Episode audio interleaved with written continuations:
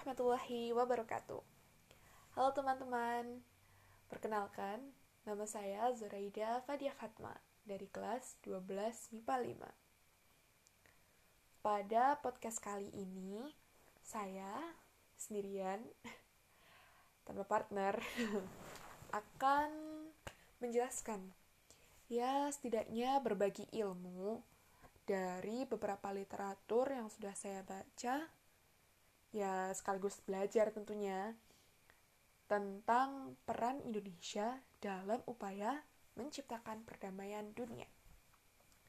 Jadi, teman-teman, peran Indonesia dalam menciptakan perdamaian dunia itu banyak ya. Ya, bisa kita lihat lah dari dari bidang militer aja lah contohnya.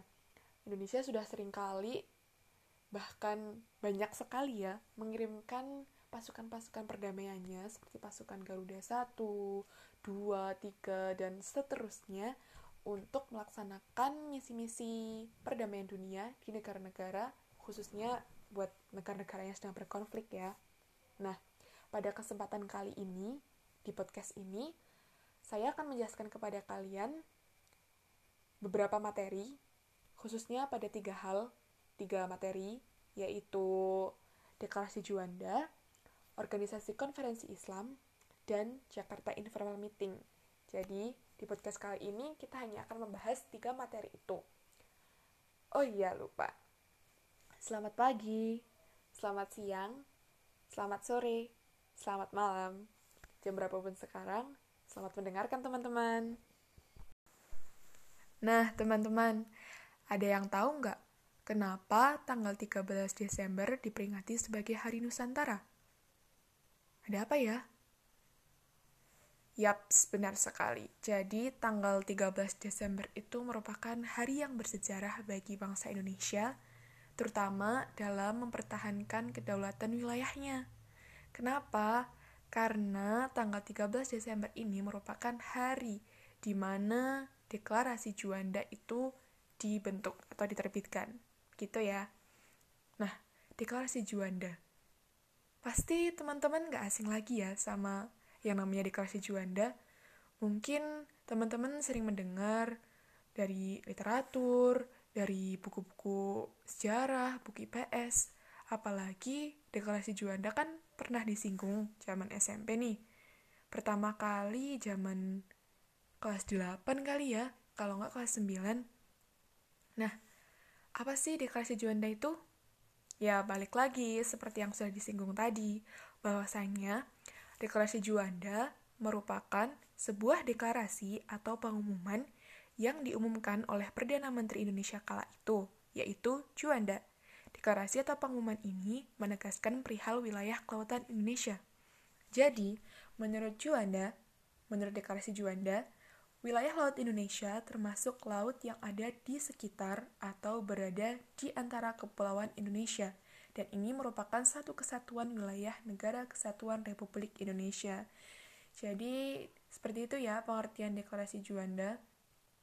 Kemudian, nah, saya akan menjelaskan secara singkat bagaimana sejarah atau proses terbentuknya deklarasi Juanda. Jadi, begini teman-teman. Sebenarnya, Sejak zaman kolonial atau zaman penjajahan, zaman Belanda gitulah, Indonesia sudah mempunyai aturan tentang wilayah lautnya, yaitu diterapkan dalam Territorial Zee Maritime Kringen Ordonnance tahun 1939. Nah, dalam aturan ini menyatakan bahwa lebar wilayah laut Indonesia adalah 3 mil diukur dari garis rendah di pantai masing-masing pulau Indonesia. Karenanya, di antara ribuan pulau di Indonesia, terdapat laut-laut bebas yang membahayakan kepentingan bangsa Indonesia sebagai negara kesatuan. Nah, baru pada abad ke-20, melalui Territorial Sea and Maritime Kringen Ordonnance atau yang biasa disingkat dengan Ordonansi 1939, wilayah laut dalam suatu pulau di Nusantara memiliki ketetapan hukum yang diakui secara internasional. Ordonansi 1939 menetapkan bahwa jarak laut teritorial bagi tiap-tiap pulau sejauh 3 mil. 3 mil. Bayangkan teman-teman, 3 mil tuh ya sedikit banget ya. 1 mil itu sekitar 1,6 km. Berarti kalau 3 mil sekitar 4,8 km dan hanya itu batas wilayah laut Indonesia gitu. Jadi hal ini memungkinkan tidak memungkinkan malah justru menjadikan negara Indonesia ini memiliki laut-laut bebas gitu. Jadi laut kita tuh hanya sedikit. Nanti masuk laut sebelah sini itu misalkan ya kita punya laut di daerah Laut Jawa atau Laut Sunda. Nah, kita cuma punya bagian 3 mil. Itu belum menghubungkan sampai ke Kalimantan atau ke Sumatera. Nah, jadi di situ ada kantong-kantong laut bebas. Keberadaan laut bebas di antara pulau-pulau di wilayah RI ini yang jelas lah sangatlah janggal. Bagaimanapun penduduk antara satu pulau dengan pulau lainnya masih satu bangsa sehingga tidak mungkin sebuah negara yang berdaulat dipisah-pisahkan oleh laut bebas sebagai pembatasnya. Oleh sebab itu, pada zaman itu muncul pemikiran dan gagasan untuk merombak sistem hukum laut Indonesia. Nah, pemikiran untuk mengubah ordonansi 1939 dimulai pada tahun 1956. Waktu itu, pimpinan Departemen Pertahanan Keamanan RI mendesak kepada pemerintah untuk segera merombak hukum laut warisan kolonial yang secara nyata tidak dapat menjamin keamanan wilayah Indonesia. Desakan itu juga didukung oleh departemen lain seperti Departemen Dalam Negeri, Pertanian, Pelayaran, Keuangan, Luar Negeri, dan Kepolisian Negara.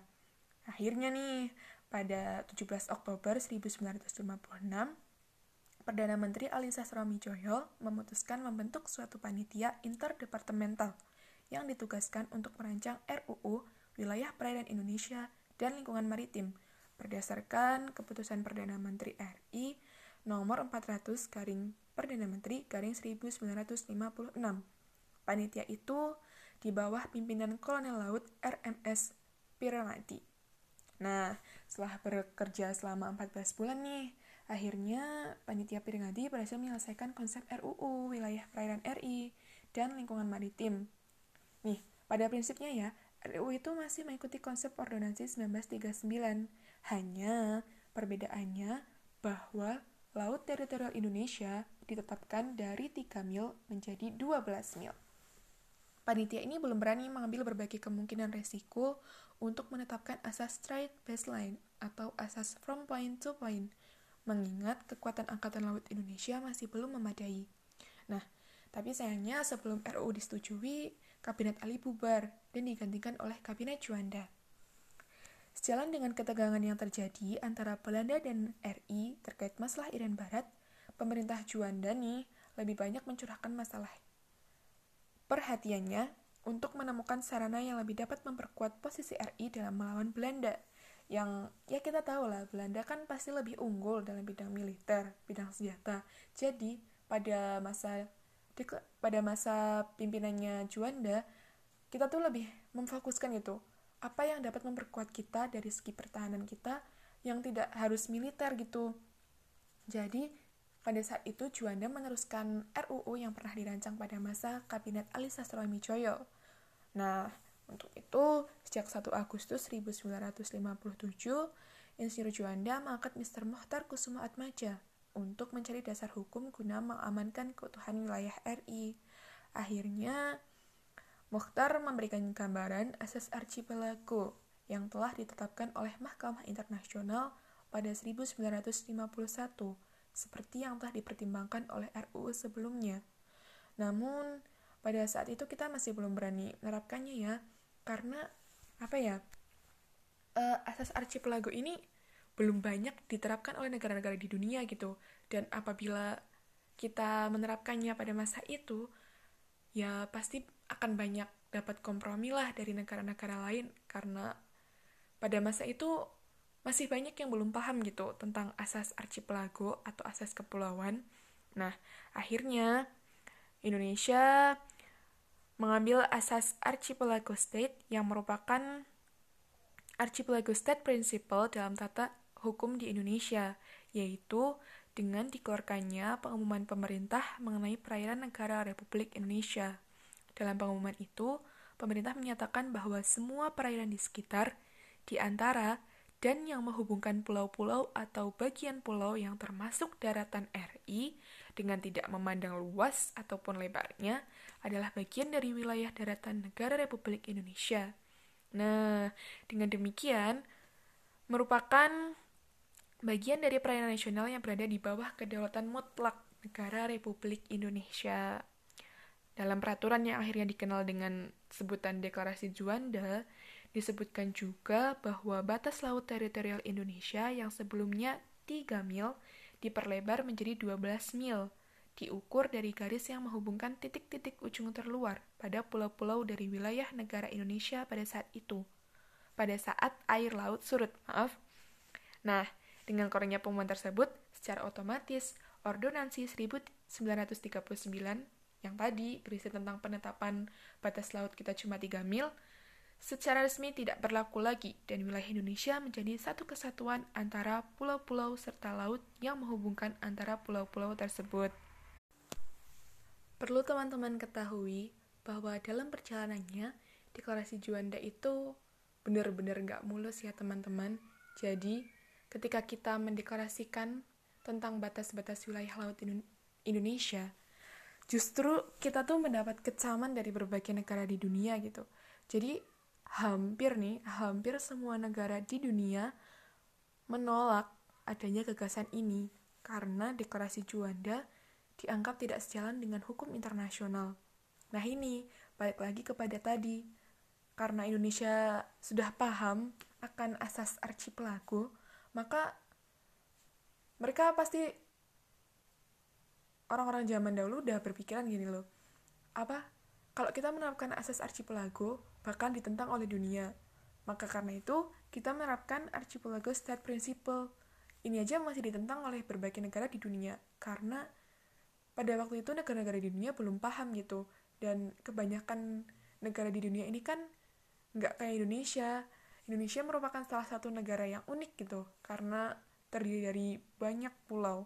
Nah karena mendapat berbagai pertentangan atau kecaman atau tolakan dari negara-negara di dunia, maka Indonesia memperjuangkan hak dan cita-citanya dan akhirnya deklarasi Juanda pun dibawa ke konvensi PBB 1. Konvensi ini memang secara khusus mengulas mengenai hukum laut yang diadakan di kota Jenewa pada Februari 1958. Namun, Dikarenakan oposisi yang terlalu keras kala itu, Indonesia pun memutuskan untuk menarik usulnya. Karena pihak Indonesia sudah mengetahui jika dunia internasional akan menolak keputusan ini.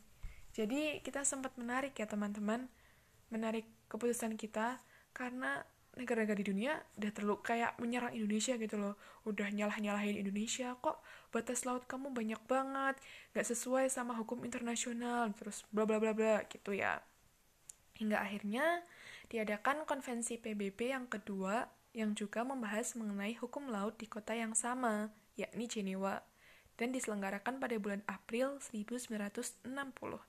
Nah, akhirnya Indonesia berhasil meresmikan isi dari Deklarasi Juanda dengan bantuan Undang-Undang Garing PRP nomor 4 Garing 1960 di bulan Februari. Meskipun pada kenyataannya di konferensi tersebut sudah tidak lagi membahas mengenai permasalahan kepulauan, melainkan lebih fokus terhadap batas yang paling luar dari laut wilayah, yakni sekitar 3 mil, 12 mil, hingga 6 mil laut. Wilayah ini masih ditambah dengan 6 mil yang disebut dengan zona perikanan. Namun, persoalan ini juga tidak menemukan kesepakatan. Meski begitu, pemerintah Indonesia sudah mulai menjalankan undang-undang tersebut – Ya, walau sebagai konsekuensinya harus mendapat penolakan serta kecaman dari berbagai negara di dunia. Akhirnya, setelah perjalanan yang begitu panjang, selang 10 tahun setelah penetapan undang-undang dan pendeklarasian mengenai wilayah kelautan atau deklarasi Juanda, akhirnya mulai muncul berbagai macam ide di seluruh dunia yang membahas mengenai permasalahan kelautan. Jadi, negara-negara di dunia mulai paham gitu loh mereka juga mulai memikirkan wilayah-wilayah kelautannya karena mereka juga ada landasan tersendiri jadi contohnya seperti ini yang pertama itu semakin banyak negara yang ada di kawasan Asia dan Afrika yang mulai baru merdeka, sehingga negara tersebut merasa tidak pernah ikut serta dalam pembuatan dan peresmian hukum laut internasional di masa lampau. Jadi, laut mulai diperhatikan sejak banyaknya negara-negara Asia dan Afrika yang merdeka. Mereka kan dulu nggak ikut kan konvensi Jenewa yang satu atau yang kedua, sehingga diadakan kembali gitu. Kemudian terjadi sebuah insiden yang cukup mengerikan, yakni kecelakaan yang terjadi pada sebuah kapal bernama kapal tangki Torrey Canyon. Kejadian ini berlangsung pada tahun 1967 dan terjadi di Selat Dover. Nah, kecelakaan ini tuh mengakibatkan pantai di Prancis dan Inggris tercemar oleh polusi. Dan otomatis, masalah ini memicu hadirnya permasalahan hukum pada perlindungan laut. Kemudian yang ketiga, perkembangan mengenai ilmu pengetahuan dan juga ilmu teknologi kelautan memunculkan kemungkinan mengenai eksplorasi beserta eksploitasi kekayaan alam yang ada di dasar laut dalam. Dan wilayahnya jauh dari wilayah nasional, sehingga hal ini memungkinkan adanya masalah yang timbul mengenai kepemilikan dari kekayaan alam yang ada di wilayah tersebut. Itu ya beberapa contoh di antara kenapa negara-negara di dunia mulai terbuka tentang masalah laut. Nah, akhirnya dunia internasional sepakat dan setuju untuk mengulang konvensi hukum laut internasional yang diadakan oleh PBB untuk ketiga kalinya. Konvensi ini berlangsung cukup panjang, antara tahun 1973 hingga 1982. Agar deklarasi Juanda bisa langsung disahkan, Indonesia mengambil langkah yang tidak sembarangan pada saat itu, Mengingat penolakan yang pernah dialami, maka pemerintah Indonesia semakin matang dan menguatkan diri untuk menghadapi konvensi tersebut. Caranya, dengan melakukan serangkaian usaha dan upaya dalam menggalang dukungan internasional, dengan sering membuat forum-forum resmi yang sifatnya akademis dan digelar secara internasional, terutama untuk mendapatkan dukungan dari negara-negara yang juga merupakan negara kepulauan. Sebut saja Filipina, Mauritius, Fiji, hingga negara-negara di Asia Afrika yang baru saja memerdekakan dirinya. Jadi ada beberapa negara yang mendukung Indonesia ya, tidak sepenuhnya semuanya menolak. Negara-negara kepulauan yang ada di dunia juga mendukung deklarasi Juanda ini. Jadi teman-teman, seperti itu ya sejarah singkat mengenai proses perjalanan deklarasi Juanda yang begitu panjang dan tentunya ada lika-liku dalam mencapai deklarasi itu. Nah, sekarang deklarasi ini sudah resmi dan sudah diakui oleh dunia internasional dan ditetapkan pada hukum laut PBB yang ketiga. Lalu, deklarasi Juanda ini kembali dipertegas lagi dengan diresmikannya Undang-Undang Nomor 17 Tahun 1985 tentang pengesahan UNCLOS 1982 yang menyatakan jika Indonesia adalah negara kepulauan. Di Indonesia sendiri sudah ditetapkan dan diresmikan dalam Undang-Undang Nomor 4 garing PRP garing 1960 yang menyatakan mengenai perairan Indonesia. Begitu ya. Oke, mari kita review materi. Sebelumnya kita bahas dulu ya uh, dampak nih, dampak deklarasi Juanda.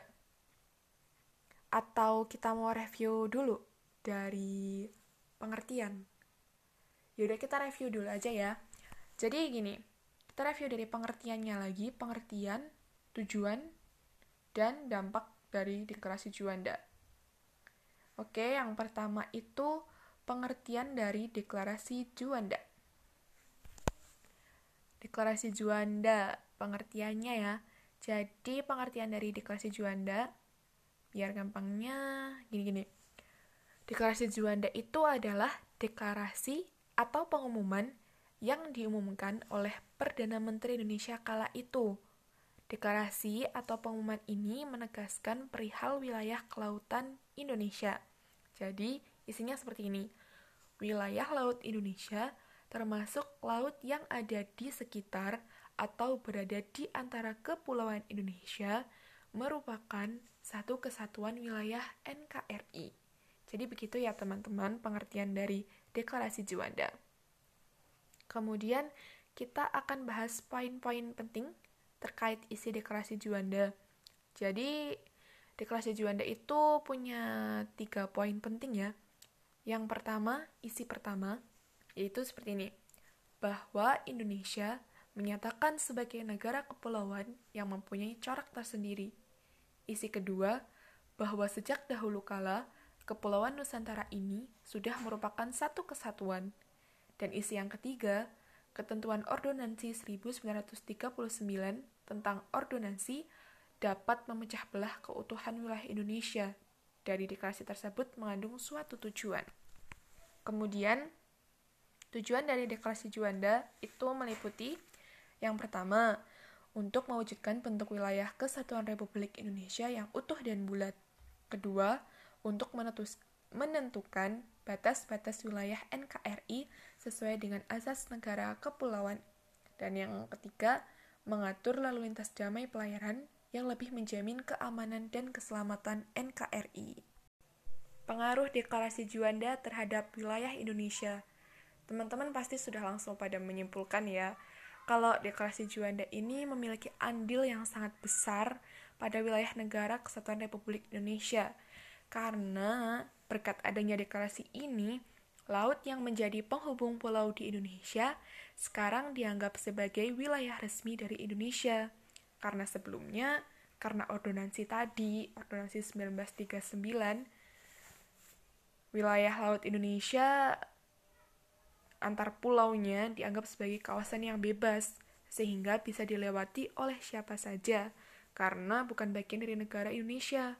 Karena yang diakui sebagai wilayah Indonesia hanyalah wilayah perairan sejauh 3 mil dari garis pantainya. Nah, deklarasi Juanda ini sendiri menghasilkan sebuah ketegasan, baik di darat, udara, laut, hingga di dasar laut, beserta dengan seluruh kekayaan yang dimiliki oleh Indonesia. Dan pastinya, semuanya berada di dalam satu wilayah kekuasaan, yakni NKRI. Di dalam deklarasi ini sendiri, terkandung sebuah konsep negara maritim Nusantara yang melahirkan konsekuensi bagi pemerintah dan juga bangsa Indonesia hingga saat ini karena telah memperjuangkan dan juga mempertahankannya sehingga bisa mendapatkan pengakuan secara internasional. Karena deklarasi Juanda ini sendiri baru diakui dunia setelah puluhan tahun sejak awal deklarasi Juanda didirikan. Sehingga sekarang kita semua akan belajar ya mengenal tanggal 13 Desember 1999 sebagai hari dan tanggal resmi pendeklarasian Juanda. Hari tersebut pun diperingati sebagai Hari Nasional Nusantara yang selalu kita peringati setiap tahunnya. Oke, demikian pembahasan tentang deklarasi Juanda. Semoga teman-teman bisa menangkapnya dengan mudah. Semoga bisa menambah wawasan kita dan bisa membuka mata kita tentang sejarah yang ada di Indonesia dan juga perjuangan yang telah kita lakukan dan kita sudah bertahan sampai detik ini, maka kita harus terus mempertahankannya. Next, kita bahas tentang oki. Oki bukan minuman ya, bukan minuman itu, minuman jeli itu bukan ya. Jadi OKI itu kependekan dari Organisasi Konferensi Islam.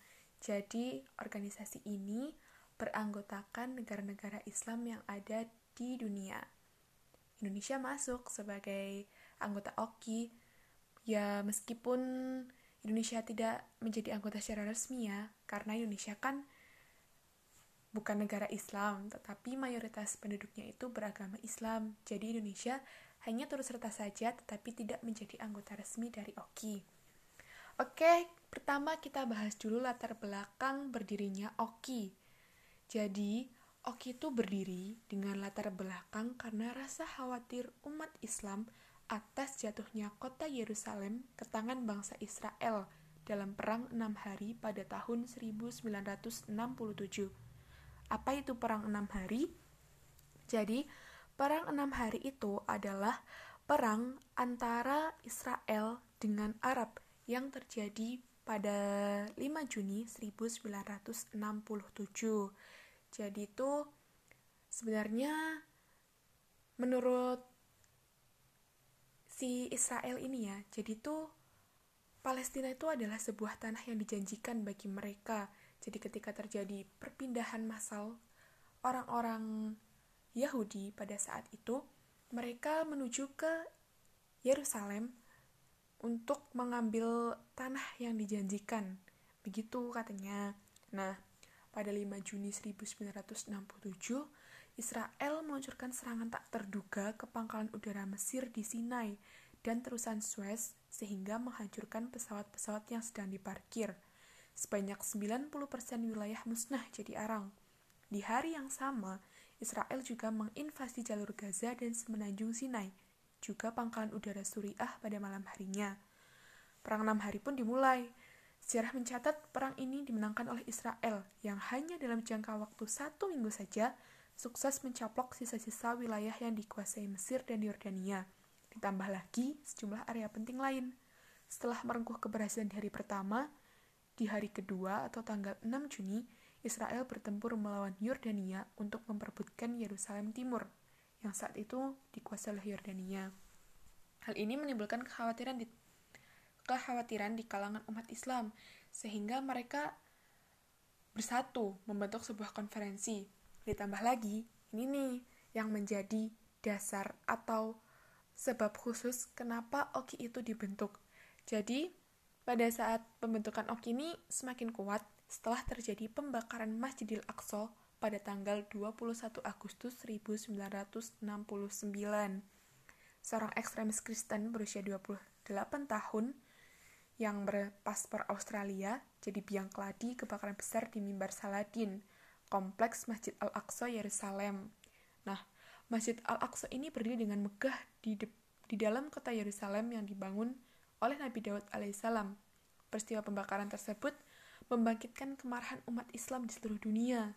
Dengan terjadinya peristiwa tersebut, Raja Hasan II Maroko, Raja Hasan II dari Maroko menyebut menyerukan kepada para pemimpin dunia Arab pada saat itu khususnya dan dunia Islam umumnya untuk bersama-sama menuntut pertanggungjawaban Israel atas kejadian itu. Nah, itu latar belakang kenapa organisasi konferensi Islam dibentuk. Jadi yang pertama itu karena umat Islam telah khawatir karena Yerusalem itu sudah diambil oleh bangsa Israel. Ditambah lagi kasus pembakaran Masjidil Aqsa yang jelas-jelas memicu kemarahan umat muslim di dunia karena Masjidil Aqsa merupakan tempat yang sakral, tempat yang suci bagi umat Islam di seluruh dunia. Next, pembentukan OKI. Jadi pada tanggal 22 Agustus 1969 menyikapi tadi uh, peristiwa pembakaran Masjidil Aqsa berlangsung konferensi darurat para menteri luar negeri anggota Liga Arab tanggal 22 Agustus 1969 ya. Nah, pada konferensi ini dikeluarkan sejumlah resolusi yang mendesak agar diselenggarakan KTT atau Konferensi Tingkat Tinggi Negara-Negara Islam. Sedangkan untuk mempersiapkan KTT sendiri dilaksanakan oleh pemerintah Arab Saudi dan Maroko. Arab Saudi dan Maroko kemudian membentuk panitia penyelenggara KTT. Pada waktu itu beranggotakan enam negara, yaitu Malaysia, Palestina, Arab Saudi, Maroko, Somalia, dan Nigeria. Akhirnya, KTT diselenggarakan di Rabat, Maroko pada tanggal 22 sampai 25 September 1969. Dari konferensi tersebut dihasilkan beberapa keputusan, di antaranya sebagai berikut. Yang pertama, mengutuk pembakaran Masjidil Aqsa oleh Israel pada tanggal 21 Agustus 1969. Yang kedua, menuntut dikembalikannya kota Yerusalem seperti sebelum perang tahun 1967. Ketiga, menuntut penarikan pasukan Israel dari seluruh wilayah Arab yang diduduki dan yang keempat, menetapkan pertemuan tingkat Menteri Luar Negeri di Jeddah pada bulan Maret 1970. Nah, berdasarkan keputusan konferensi Jeddah tersebut, akhirnya lahirlah atau dibentuk organisasi Konferensi Islam OKI di Karachi, Pakistan dengan sekjen atau sekretaris jenderal OKI yang pertama adalah Perdana Menteri Malaysia, Tengku Abdul Rahman. Teman-teman Pasti menanyakan kan, apa tujuan dari dibentuknya OKI? Apakah cuma karena menanggapi peristiwa terbakarnya Masjidil Aqsa oleh Israel atau mungkin ada tujuan lain? Jadi di samping menanggapi peristiwa Masjidil Aqsa itu, tujuan dibentuknya OKI itu banyak ya, yaitu macam-macamnya seperti ini. Yang pertama tuh berusaha memajukan solidaritas Islam di antara negara-negara anggota. Yang kedua, berusaha mengonsolidasikan kerjasama antara negara-negara anggota dalam bidang sosial, ekonomi, budaya, ilmu pengetahuan, dan bidang kegiatan lainnya. Yang ketiga, berusaha menghapus pemisahan rasial dan diskriminasi, serta menghilangkan kolonialisme dalam segala bentuk. Kemudian yang keempat, mengambil langkah-langkah yang perlu untuk mendukung perdamaian dan keamanan internasional berdasarkan keadilan. Kelima, berusaha mengordinasikan usaha-usaha untuk melindungi tempat-tempat suci serta mendukung perjuangan rakyat Palestina. Yang keenam, memperteguh perjuangan kaum muslim dengan maksud melindungi kehormatan, kemerdekaan, dan hak-hak nasional mereka. Dan yang ketujuh, berusaha menciptakan keadaan yang memungkinkan untuk kemajuan kerjasama dan saling pengertian di antara negara-negara anggotanya.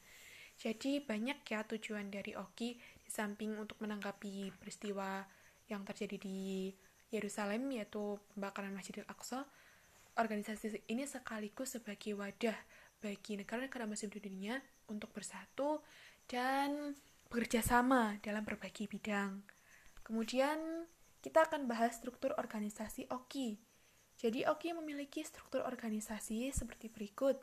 Yang pertama itu badan-badan utama. Badan utamanya terdiri dari yang pertama itu konferensi para raja atau kepala negara atau pemerintahan yang diadakan sekali dalam tiga tahun. Yang kedua, konferensi para menteri luar negeri diadakan sekali dalam satu tahun. Yang ketiga, Sekretariat Jenderal sebagai badan eksekutif terdiri dari seorang sekretaris jenderal dan empat asisten yang berkedudukan di Jeddah. Dan yang keempat, Mahkamah Islam Internasional. Kemudian di bagian kedua itu ada komite khusus. Komite khusus dari OKI ini ada tiga, yaitu Komite Al-Quds Yerusalem, Komite Tetap Keuangan, Komite Ekonomi, Sosial, dan Budaya. Kemudian badan-badan subsidiar itu bergerak di bidang ekonomi, sosial, dan budaya. Selain itu, OKI juga mendirikan lembaga-lembaga dan organisasi seperti The Islamic Development, Development Bank, Islamic International News Agency, Islamic Chambers of Commerce, dan masih banyak yang lain ya teman-teman. Nah sekarang apa sih peran Indonesia dalam OKI sebagai tadi Indonesia kan bukan negara yang resmi ya Indonesia juga tidak mengikuti tanda tangan dari piagam OKI sehingga Indonesia bukan anggota resmi. Kemudian peran Indonesia dalam OKI itu apa saja?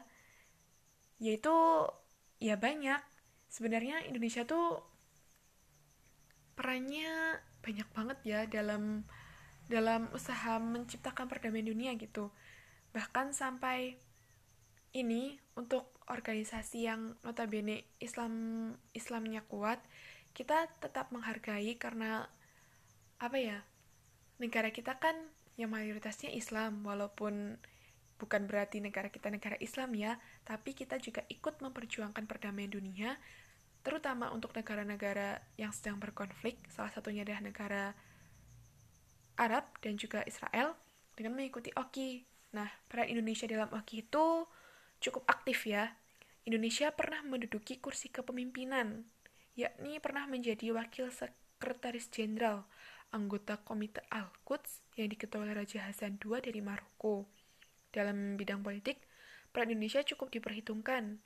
Dalam KTT OKI 1981 di Talif, Arab Saudi misalnya, Indonesia mengajukan resolusi solidaritas Islam yang diterima oleh peserta KTT secara spontan.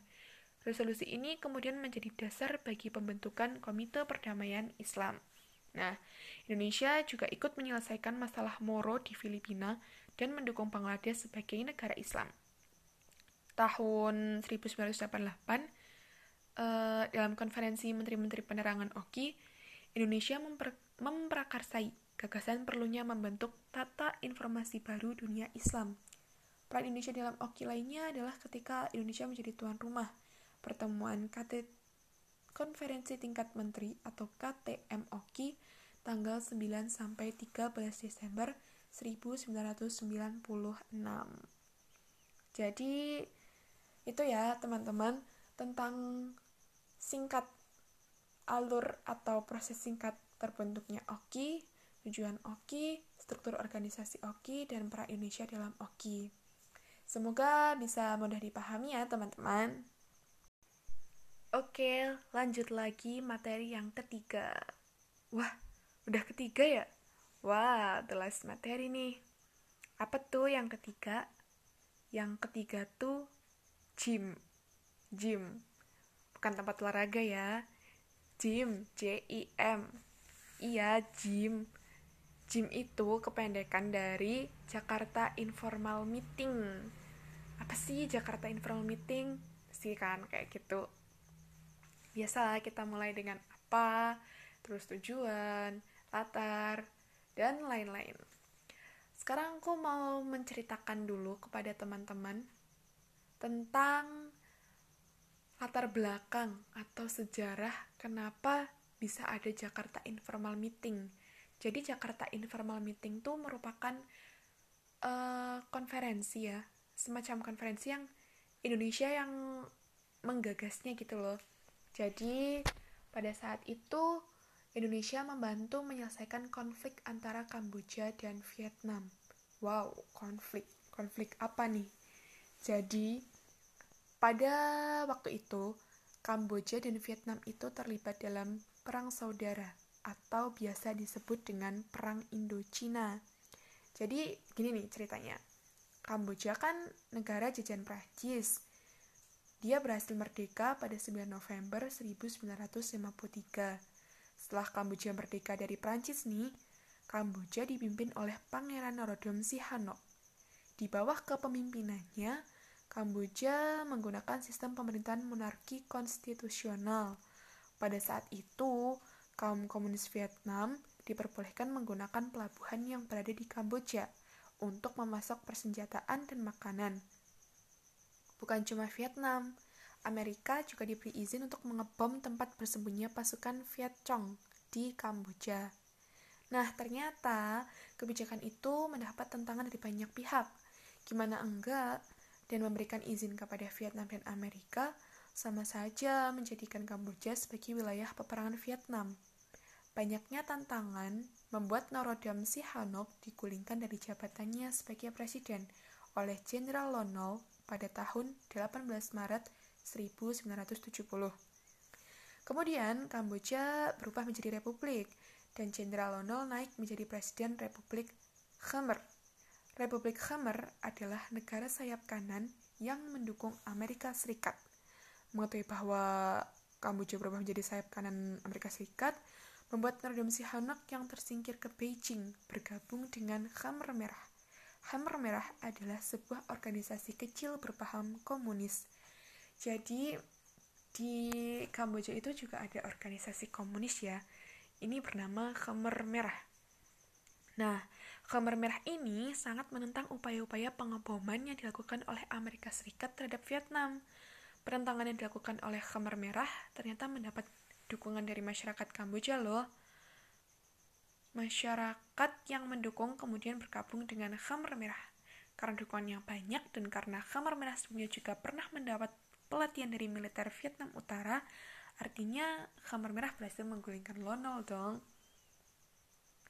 Khmer Merah mulai menguasai Kamboja dan Pol Pot yang merupakan pemimpin organisasi ini sekaligus pengagum komunisme Mao, Tiongkok, mulai berkuasa dan mengubah nama Republik Khmer menjadi Kampuchea Khmer Merah punya slogan yang terkenal, yaitu To spare you is not profit, to destroy you is no loss. Menyelamatkan Anda tidak ada untungnya, menghancurkan Anda tidak ada ruginya. Khmer Merah, Pol Pot. Masyarakat Khmer Merah di bawah kekuasaan Pol Pot diwajibkan untuk bekerja sebagai buruh pertanian dilarang pakai kacamata, dilarang menguasai bahasa asing, bahkan dilarang ketawa dan menangis loh teman-teman. Bayangkan ya ampun betapa nelangsanya orang-orang yang hidup pada zaman pemerintahan Pol Pot. Oh iya, perlu teman-teman ketahui uh, sekedar informasi aja ya. Kalau pada masa pemimpinan Pol Pot ini terjadi kejahatan genosida yang terbesar dan paling berdarah yang pernah terjadi dalam sejarah Asia Tenggara. Gimana enggak, Pol Pot dalam masa pemerintahannya itu sudah membunuh, membantai hampir 2 juta, 2 juta lebih malah mungkin penduduknya. Jadi eh, orang-orang uh, yang tadi, orang-orang Kamboja itu nanti akan dibawa ke camp-camp, kemudian mereka disuruh bekerja di sana, mereka disiksa, mereka diberi makan, dan ya ampun pokoknya mereka tuh hidupnya benar-benar tersiksa banget lah. Kemudian setiap ada orang yang berusaha melarikan diri, mereka pasti akan ditangkap dan pada saat sore hari atau pada waktu tertentu mereka akan ditembak mati oleh rezimnya Pol Pot. Pokoknya ngeri banget lah. Dan nanti tuh ada tempat tempat tersendiri yang dinamakan sekarang dinamakan sebagai killing field atau lahan pembunuhan. Jadi nanti orang-orang yang sudah ditembak mati itu dikumpulkan menjadi satu di sebuah lahan dan mereka dibiarkan aja gitu loh tergeletak di lahan itu hingga akhirnya lahan itu menjadi ladang tengkorak. Ih, pokoknya ngeri deh kalau teman-teman tahu teman-teman bisa buka atau cari dari sumber lain tentang kejahatan genosida ini. Teman-teman wajib banget tahu. Nah, oke okay, kayak kita balik lagi ke pembahasan. Terus nih, setelah 8 tahun masa pemerintahan Khmer Merah, Vietnam menginvasi Kamboja dan tepat di tanggal 7 Januari 1979, pasukan Vietnam berhasil menduduki kota Phnom Penh. Karena invasi yang dilakukan Vietnam, menyebabkan pemerintah Khmer Merah di bawah pimpinan Pol Pot yang anti-Vietnam pun jatuh. Pol Pot tersingkir sampai ke perbatasan Thailand. Tapi Pol Pot tidak mau menyerah begitu saja. Ia tetap memberikan perlawanan dengan melakukan perang gerilya. Ketika itu, pimpinan Khmer Merah digantikan oleh Khiju Sampar. Tujuannya untuk menghilangkan citra buruk Khmer Merah dan mendapatkan dukungan internasional. Vietnam pun kemudian membentuk Republik Rakyat Kamboja atau People's Republic of Cambodia, PRK. Masih ingat Nordum Sihanouk kan? Tadi pangeran pertamanya. Iya, dia kemudian berkoalisi dengan dua faksi lainnya untuk membentuk pemerintahan tandingan dari yang dibuat Vietnam yaitu PRK. Koalisi itu disebut Coalition Government of Democratic Cambodia, CGDK. Jadi PRK bentukan dari Hejo Sampar versus CGDK bentukan Narodom Sihanouk. Nah, karena adanya pemerintahan tandingan, membuat Kamboja memiliki dua pemerintahan. Nah, keduanya melakukan upaya rekonsiliasi melalui pertemuan Prancis pada tanggal 20 sampai 21 Januari 1998. Akan tetapi, upaya ini masih belum membuahkan hasil Melihat kondisi ini, dengan heroiknya, wah datang pahlawan nih. Siapa dia? Indonesia. Jadi, Indonesia melalui ASEAN menawarkan mediasi untuk mengatasi konflik antara Kamboja dan Vietnam. Hebatnya nih teman-teman, semua pihak yang terlibat konflik sepakat dengan mediasi itu. Mantap Indonesia. Akhirnya setelah semua sepakat, diselenggarakan Jakarta Informal Meeting atau JIM dan dilaksanakan sebanyak tiga kali. Penyelenggaraan CIM didukung oleh Dewan Keamanan PBB. Kemudian, Dewan Keamanan PBB mengusung pemerintahan transisi di Kamboja dengan membentuk United Nations Transitional Authority in Cambodia atau UNTAC. Vietnam pun sepakat untuk mundur dari wilayah Kamboja pada pertemuan CIM kedua setelah konferensi Paris yang dilaksanakan pada Oktober 1991. Empat faksi yang bertikai di Kamboja menyepakati untuk saling berdamai pada tahun 1979. Setelah itu, Buddha diangkat menjadi agama resmi negara Kamboja, dan pada tahun 1993, pemilu pertama yang demokratis diselenggarakan. Nah, jadi begitu ya latar belakang atau sejarah singkat dari pembentukan Jakarta Informal Meeting. Kemudian, apa saja sih yang dibahas dalam Jakarta Informal Meeting, tujuan, dan konferensinya. Maksudnya, uh, Jakarta Informal Meeting ini kan diadakan tiga kali. Nah, membahas apa saja? Terus kita kupas satu persatu, guys. Pelaksanaan Jakarta Informal Meeting yang pertama, Jakarta Informal Meeting yang pertama. Jadi, Jakarta Informal Meeting yang pertama itu dilaksanakan pada bulan Juli 1988. Pihak-pihak yang terlibat konflik serta pihak mediator mengirimkan delegasinya. Indonesia diwakili oleh Mokhtar Kusuma Atmaja. Pemerintah Koalisi Demokratik Kamboja diwakili oleh Norodom Sihanouk. Pemerintah Vietnam diwakili oleh Nguyen Cho Tach dan Republik Rakyat Kamboja diwakili oleh Hun Sen. Dalam pertemuan tersebut, Norodom Sihanouk menghasilkan mengusulkan tiga tahap rencana penyelesaian perang Indochina tiga. Jadi perang antara Vietnam dan Kamboja itu perang Indochina ketiga ya teman-teman. Jadi perang Indochina itu udah berlangsung ada yang satu, dua, dan ini yang ketiga. Nah, Tadi Norodom Sihanouk mengusulkan tiga tahap rencana penyelesaian perang, antara lain, yang pertama, melakukan gencatan senjata antara kedua belah pihak, yang kedua, diturunkannya pasukan penjaga perdamaian PBB untuk mengawasi penarikan pasukan Vietnam dari Kamboja, dan yang ketiga, penggabungan semua kelompok bersenjata Kamboja ke dalam satu kesatuan. Kemudian Jakarta Informal Meeting yang kedua, itu dilaksanakan pada bulan Februari 1989.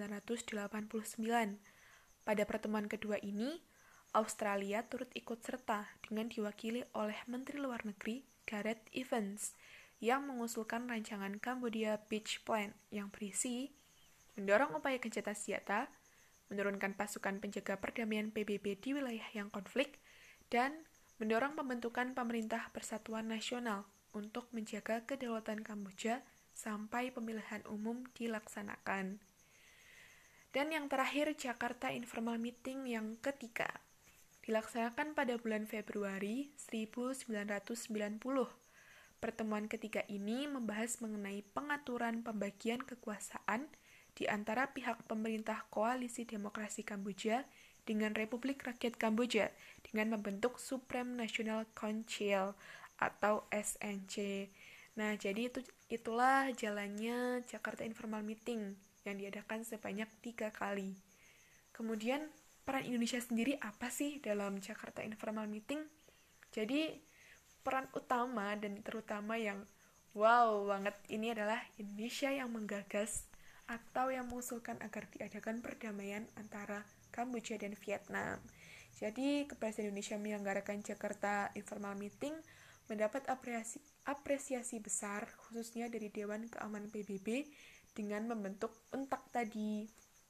Tanggal 28 Februari 1992 berdasarkan resolusi Dewan Keamanan PBB nomor 745 dan Indonesia juga mengirimkan pasukan kontingen Garuda 12A sampai 12D untuk menjaga transisi pemerintahan di Kamboja akhirnya Indonesia mendamaikan kedua pihak yang sedang bertikai ya teman-teman dan akhir dari perjalanan panjang ini menyelesaikan masalah Kamboja menemui titik harapan perdamaian.